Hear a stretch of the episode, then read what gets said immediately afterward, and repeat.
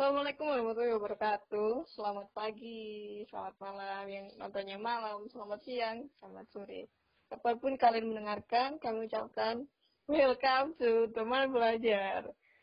Ya, bersama kami berdua di sini untuk mengisi podcast teman belajar. Perkenalkan, saya Wanda, dan saya ditemani sama si, si siapa nih ya? Siapa perkenalin, perkenalin dulu dong? Uh, saya Fathia. Oke, oke. Di sini kami akan membahas dampak COVID-19 pada lembaga keuangan syariah non-bank. Apa aja sih, Fat, yang lebih spesifik, Fat, yang bakal kita bahas? Hmm, nanti kita membahas lembaga keuangan syariah non-bank ada tiga, dimulai dari BMT, asuransi syariah, dan juga pasar modal syariah. Oke, mantul. Langsung aja kita masuk ke pembahasan. Let's go.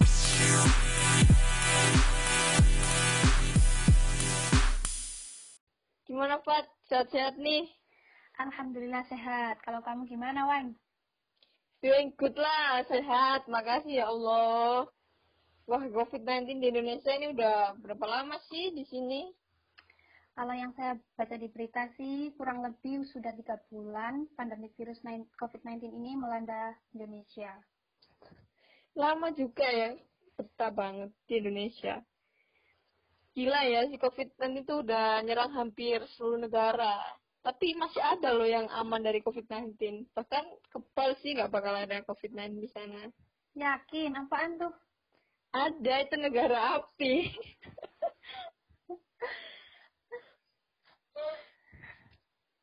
ya dari setiap negara sih punya kebijakan dan cara masing-masing untuk menangani bencana ini sih punya ciri khas masing-masing lah punya kelebihan kekurangan. Ya Indonesia juga lah Pak Jokowi pun punya kebijakan dan cara untuk menekan angka penyebaran COVID-19 namun ya tetap nggak luput dari dampak sih setelah kebijakan itu diumumin. Mulai dari dampak sosial, ekonomi, politik, dan bahkan pendidikan. Kita fokus ya ke ekonominya aja ya. Di Indonesia, di Indonesia sendiri yang di mana UMKM merupakan sektor dominan ekonomi Indonesia terdapat 64 juta unit UMKM yang menyerap 170 117 maksud saya juta tenaga kerja atau sekitar 90 persen dari total tenaga kerja. UMKM itu kan ada kelas-kelasnya sifat apa aja sih kelas-kelasnya? Tentu ada. UMKM ini ada kelasnya dimulai dari kelas atas, menengah, dan juga dan juga rentan miskin. Kalau saat ini udah pasti UMKM rentan miskin paling terguncang nih di tengah pandemi virus COVID-19 ini. Oh iya bener banget, udah banyak yang tutup bangkrut bahkan karena krisis ini. UMKM UMKM ini kan bergantung pada likuiditas harian loh. Kalau tapi kalau ngomongin UMKM itu udah pasti nggak lepas dari BMT. Mereka ini kan akrab banget, lengket banget, mesra lagi. Kayak aku sama dia. Tapi saya yang terlarang restu, orang tua. Saja lu. BMT tumbuh dan dikembangkan masa di masyarakat sebagai gerakan dakwah di bidang ekonomi ya. Sekaligus sebagai self-help bagi umat Islam PMT tadi kan berfungsi sebagai intermediasi keuangan juga intermediasi sosial atau peran pemberdayaan pada segmen ultramikro. Umumnya segmen ini dikategorikan unbankable sehingga memerlukan khusus untuk menaikkan kelas. Iya kan, Pak? Betul banget. Nah, eh, seperti yang kamu omongin terkait bidang ekonomi sekaligus sebagai self-help bagi umat muslim, eh, barangkali ini teman-teman masih belum ada yang tahu apa sih itu BMT Uh, saya mencoba untuk menjelaskan sedikit apa itu BMT. Ya, betul sekali. Apa itu BMT? BMT ini merupakan lembaga keuangan mikro berdasarkan syariah. Nah, sesuai yang kamu bilang tadi, terkait bidang ekonomi sekaligus sebagai self-help bagi umat Islam, barangkali ini teman-teman masih belum ada yang tahu apa sih itu BMT.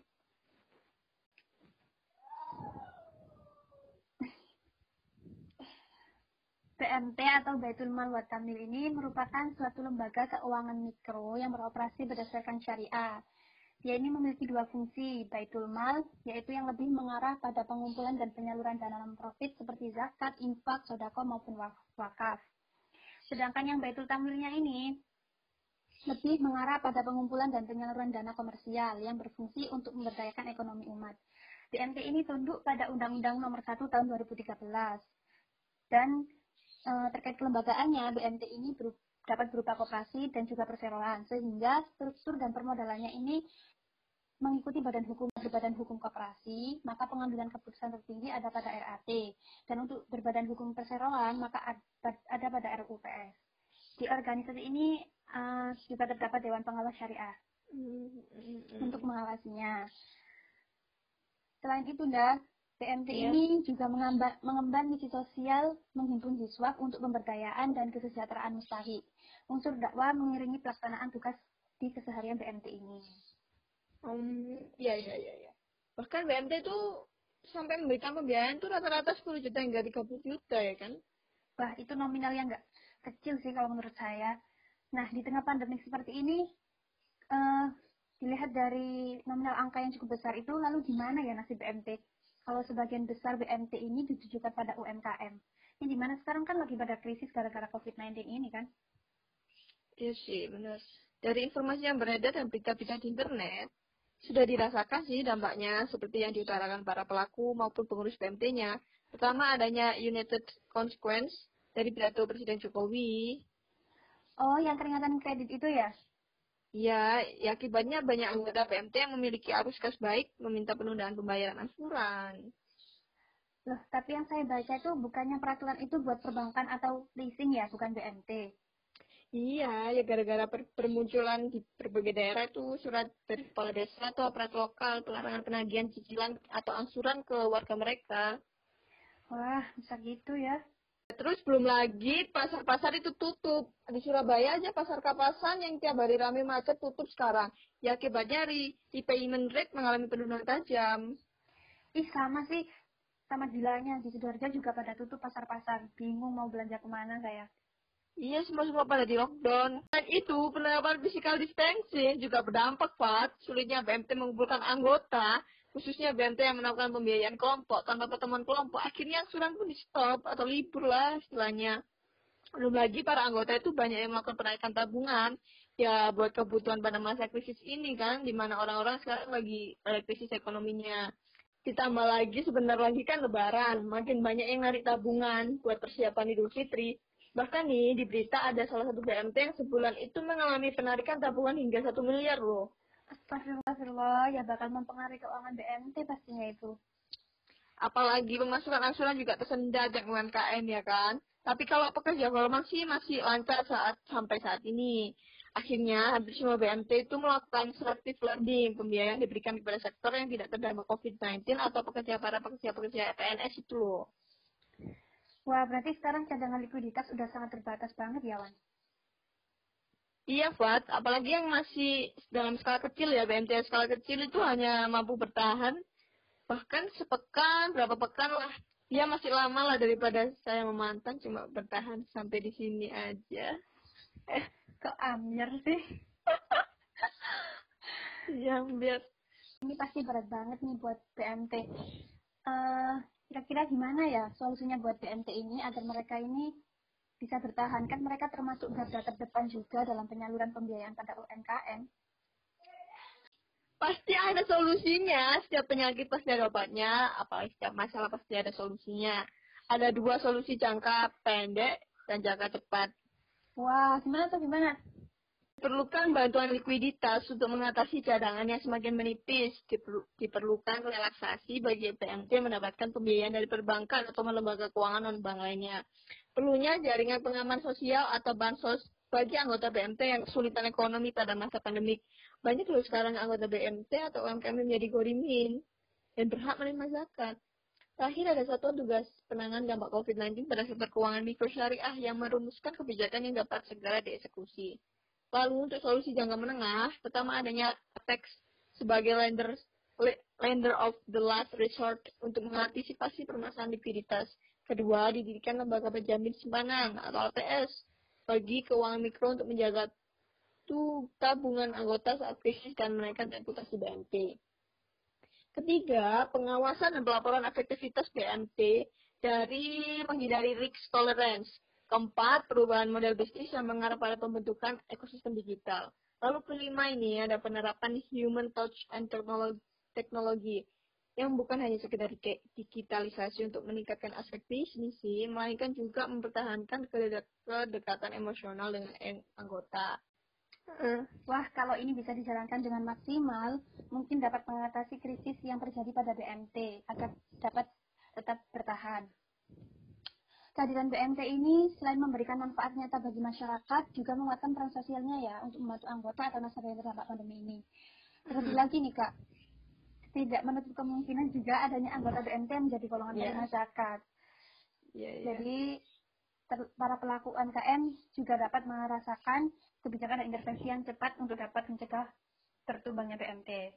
Jadi menurut saya sekali lagi ini, sekali lagi nih di tengah pandemi COVID-19 ini peran BMT sangat diharapkan. Oke. Jadi sangat-sangat dibutuhkan ya buat masyarakat. Oke, Pak. Untuk yang BMT udah keluar nih ya. Sekarang nah. lanjutlah pada LKSN yang lain. Oke, mungkin bisa sedikit dijelasin asuransi syariah secara umum tuh gimana sih, Pak? Mungkin masih ada yang kurang memahami. Baik, saya akan sedikit menjelaskan terkait apa sih asuransi syariah itu.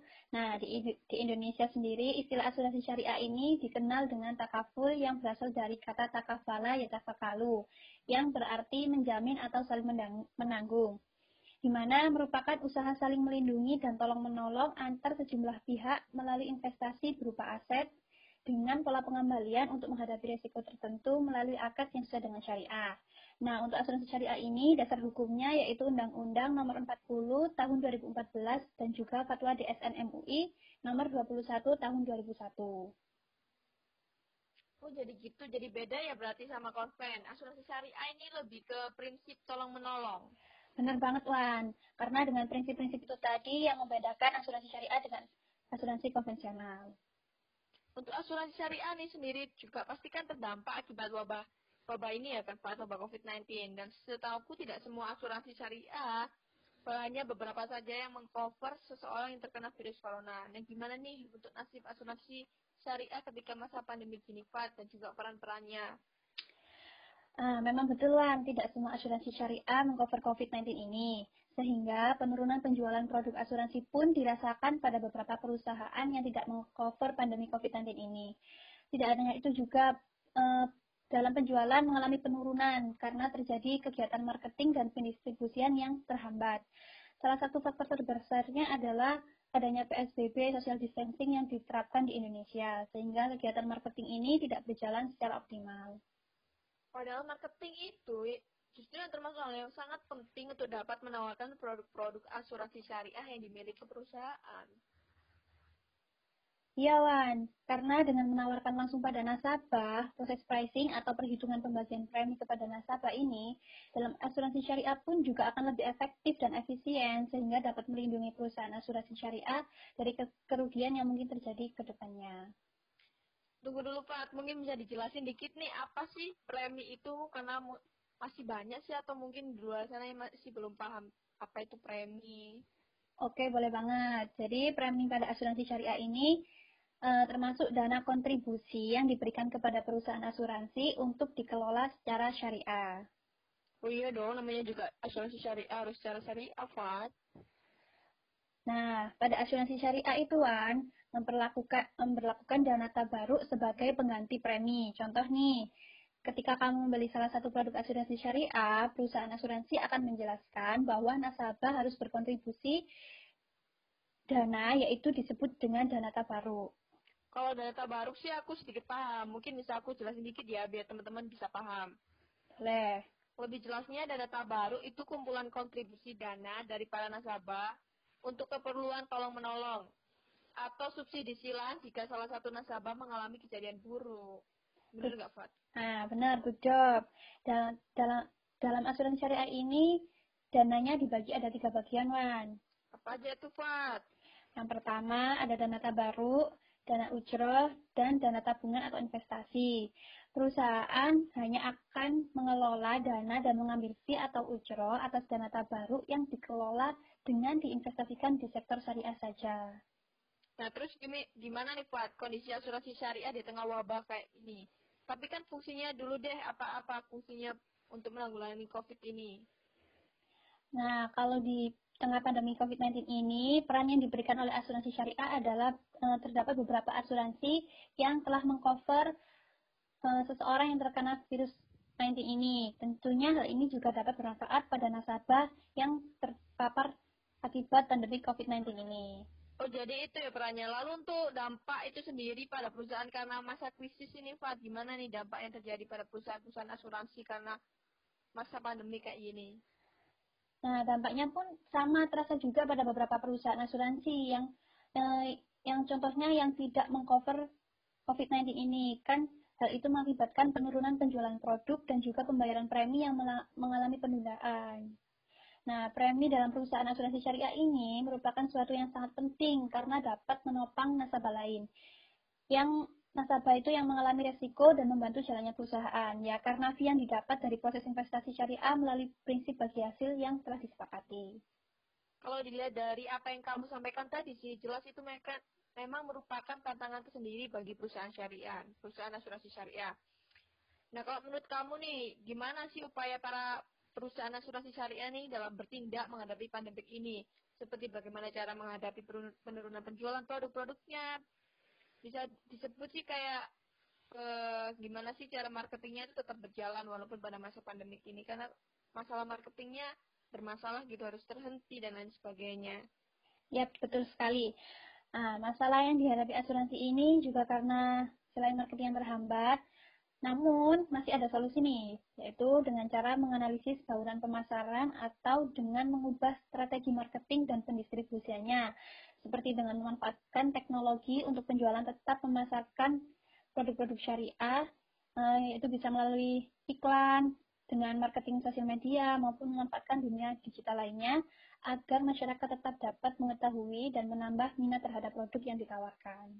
Wah, cemerlang rek, Mbak Fatre terus apa lagi nih Fat? Nah, terus Wan, tentang masalah yang terhambatnya premi, uh, salah satu cara menghadapi tantangan ini yaitu asuransi syariah mengharapkan kebijakan pemerintah melalui EJK. Nah, kebijakan yang diberikan ya ini yang baru-baru ini keluar nih melalui surat EJK.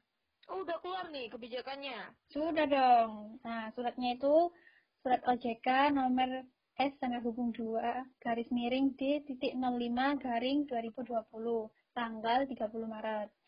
Nah, atas kebijakan counter cycle ini sebagai dampak COVID-19 bagi perusahaan perasuransian, kebijakan ini merupakan bentuk relaksasi penundaan pembayaran premi yang dapat dijadikan suatu kebijakan dalam perusahaan asuransi syariah, karena kebijakan ini bersifat tidak memaksa. Berarti, kebijakan ini diberikan untuk mendukung kinerja perusahaan asuransi syariah serta memberikan kemudahan dalam situasi fluktuatif seperti saat ini. Benar. Dan tantangan dari adanya pandemi ini harus cepatnya dihadapi dan diselesaikan oleh asuransi syariah karena jika terlalu sering dibiarkan maka hal itu akan berdampak pada asuransi syariah. Jadi jangan hanya menunggu instruksi dari pemerintah saja, harus segera bergerak untuk menangani ini. Iya sih, Fuad. Harus ikut aktif ya menghadapi tantangan ini karena hal ini akan berdampak ke depannya bagi kebaikan industri perusahaan asuransi syariah maupun pada nasabahnya. Betul banget. Gimana nih kira-kira udah cukup nggak penjelasan kita terkait asuransi syariah ini? Kayaknya sudah cukup nih. Mungkin bisa lanjut nih ke pembahasan selanjutnya yaitu pasar modal. Gimana nih Fat? Lanjut yuk. Boleh banget. Oke. Okay. Uh, Oke, okay. bisa dijelasin dikit Kak Wanda, apa sih itu pasar modal syariah biar teman-teman makin paham nih yang sedang mendengarin mendengarkan podcast kita. Pasar modal syariah adalah kegiatan dalam pasar modal sebagaimana yang diatur dalam UU UU PM maupun peraturan OJK yang tidak bertentangan dengan prinsip syariah, Fat. Hmm, betul banget. Aku tambahin ya, ada dua nih peran penting pasar modal syariah. Yang pertama, sebagai sumber pendanaan bagi perusahaan untuk pengembangan usahanya melalui penerbitan efek. Dan yang kedua, sebagai saran investasi efek syariah bagi investor. Untuk dasar hukumnya nih, Wan, ada Undang-Undang Nomor 8 Tahun 1995 dan juga Fatwa DSN MUI. Nah, ada dua jenis saham syariah nih, Fat, yang diakui di pasar modal Indonesia. Apa tuan? Yang pertama nih, saham yang dinyatakan memenuhi kriteria seleksi saham syariah berdasarkan peraturan OJK nomor 35 tahun 2017 tentang kriteria dan penerbitan daftar efek syariah. Dan kedua, nih Pak, ada saham yang dicatatkan sebagai saham syariah oleh emiten atau perusahaan publik syariah berdasarkan peraturan OJK nomor 17 tahun 2015. Wah, mantap banget. Gimana nih teman-teman yang sudah mendengarkan? Udah mulai paham belum?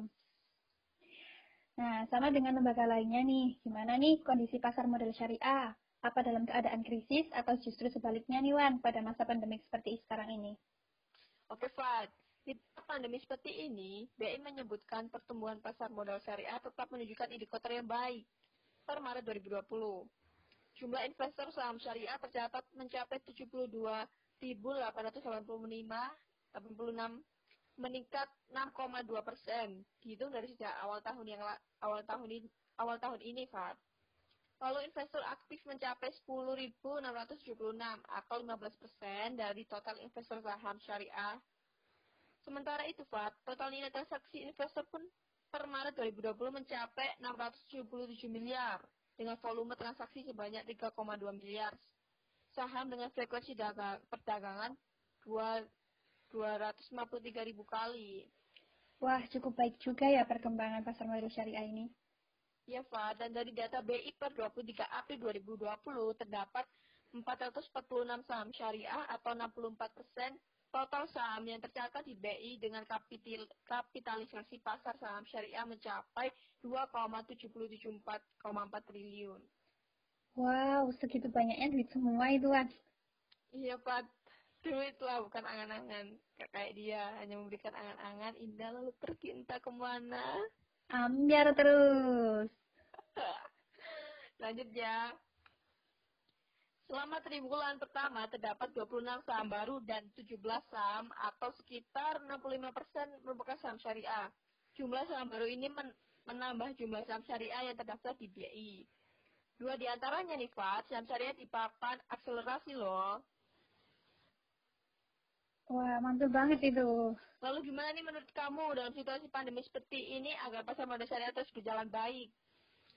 Nah, kalau menurut info Uh, Oke, okay, dari informasi yang aku dapat nih, BE ini telah melakukan inovasi kegiatan literasi dan juga inklusi pasar modal syariah dengan menyelenggarakan rangkaian kegiatan literasi dan inklusi online yang menggunakan platform live Instagram maupun Kisco Webex. Dan juga pasar modal syariah ini kembali pada sistem perdagangan online syariah yang biasanya disebut syariah online trading system atau SOTS. SOTS ini aku sedikit pahami, sistem ini kan dikembangkan oleh bursa sebagai fasilitas atau alat bantu bagi investor yang ingin melakukan transaksi saham secara syariah. Nah, sip. Dan jangan lupa Wan, SOTS ini tetap memenuhi prinsip syariah dan sudah disertifikasi oleh DSN MUI karena merupakan penjabaran dari fatwa DSN MUI yaitu DSN MUI nomor 8 tahun 2011 tahun 2011 tentang penerapan prinsip-prinsip syariah dalam penerapan perdagangan efek bersifat ekuitas di pasar reguler bursa efek. Kalau melihat inovasi-inovasi dari BI tersebut yang menjadikan pasar modal syariah tetap ini hijau di tengah pandemi COVID-19 COVID-19 saat ini. Jadi apa yang dilakukan BI menurut menurut aku ini udah tepat ya sehingga menimbulkan efek yang baik juga untuk pasar modal syariah ini. Nah, betul sekali, Wan. Nah, usai sudah nih pembahasan LSK lembaga keuangan syariah non bank ini pada episode tentang ini tentang peran dan bagaimana menghadapi si COVID-19 ini. Kalau kita boleh review nih dan kasih kesimpulan nih Fat dari pembahasan ke, dari, usai sudah usai sudah pembahasan lembaga keuangan syariah non bank kali ini tentang peran dan bagaimana menghadapi COVID-19. Kalau kita boleh review nih Fat dan kasih kesimpulan nih Fat mulai dari pembahasan awal sampai akhir. Pada pembahasan ketiga lembaga keuangan syariah non-bank yaitu ada BMT, asuransi, dan pesan modal di tengah pandemi sudah selesai. Maka kami akan dapat menarik kesimpulan, kesimpulan dari pembahasan kali ini nih Pak. Yang pertama dari BMT yang mengalami dampak dari COVID-19 dengan menurunnya pendapatan sampai dengan peran fungsi sosialnya yaitu penyaluran dana siswa untuk menangani COVID-19. Juga sekaligus dapat menjadikan BMT bertahan untuk dapat menjalankan dualisme fungsinya di tengah pandemi ini. Sedangkan untuk asuransi syariah nih Pak, di mana peran yang diberikan yaitu dengan mengcover pasien-pasien yang terkena COVID-19 dan untuk dampak yang dirasakan mulai dari penurunan penjualan hingga hingga terbatasnya tentang marketing mereka dan juga pembayaran premi yang tertunda. Namun, pemerintah mengeluarkan kebijakan untuk mendukung kinerja perusahaan asuransi dalam situasi fluktuatif seperti saat ini, yaitu dengan dikeluarkannya surat OJK pada tanggal 30 Maret. Nah, kalau yang seperti yang kamu sampaikan tadi nih, kita review sedikit dengan pasar modal, kan terlihat sedikit berbeda dengan lembaga keuangan dua yang lainnya BMT sama asuransi. Ada sedikit hal yang berbeda di antara keduanya. Mungkin bisa sedikit dijelaskan dan diberi kesimpulan Fat. Nah silakan. oke. Okay. saya akan menarik kesimpulan dari pasar modal nih. Memang hal menarik dan berbeda dirasakan oleh pasar modal syariah di tengah pandemi COVID-19 ini di mana BEI menyebutkan pertumbuhan pasar modal syariah tetap menunjukkan indikator yang baik. Nah, menarik tuh. Karena selama triwulan pertama terdapat 26 saham baru yang 17 saham atau sekitar 65% merupakan saham syariah. Serta per 23 April 2020 terdapat 446 saham syariah atau 64% dari total saham syariah yang tercatat di BEI.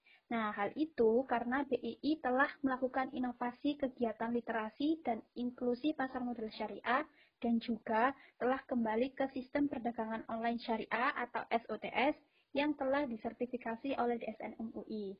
Dengan demikian, di tengah pandemi COVID-19 ini, pasar modal syariah tetap hijau. Nah, sebelum kita akhiri, ada kata-kata penutup, Kak Wan. Ya nih, sebelum akhiri, dan buat para pendengar-pendengar podcast ini, semoga podcast ini mendapat memberikan manfaat untuk pendengarnya ya Fat ya. Amin. Ya Berbagi ya ilmu dan pengetahuan dan sharing kepada teman-teman semua. Amin. Dan pada akhir pada akhir podcast ini aku mau kasih kata-kata nih agar Boleh. kita lebih semangat dalam menghadapi kondisi COVID ini. Boleh banget, silakan. Kondisi ini tidaklah mudah, tapi selalu ada optimisme dalam setiap masalah yang dihadapi. Dalam hal ini, benarlah apa yang dikatakan Prize Nobel Fisika 2019. Mr. Mayer, the most important point is, is to be prepared for the unexpected. Semoga kita semuanya siap. Wah, bagus banget kalimatnya. Kata-katanya sangat membangun. Oke, di ujung podcast ini kami pamit ya. Salam dari Wanda sama Fatia. Mohon maaf jika ada kesalahan kata dari kami berdua. Dan terima kasih telah mendengarkan podcast ini. Semoga bermanfaat. Amin. Sampai bertemu lagi di next episode. Wassalamualaikum warahmatullahi wabarakatuh. Waalaikumsalam warahmatullahi wabarakatuh. Dadah. See you. See you.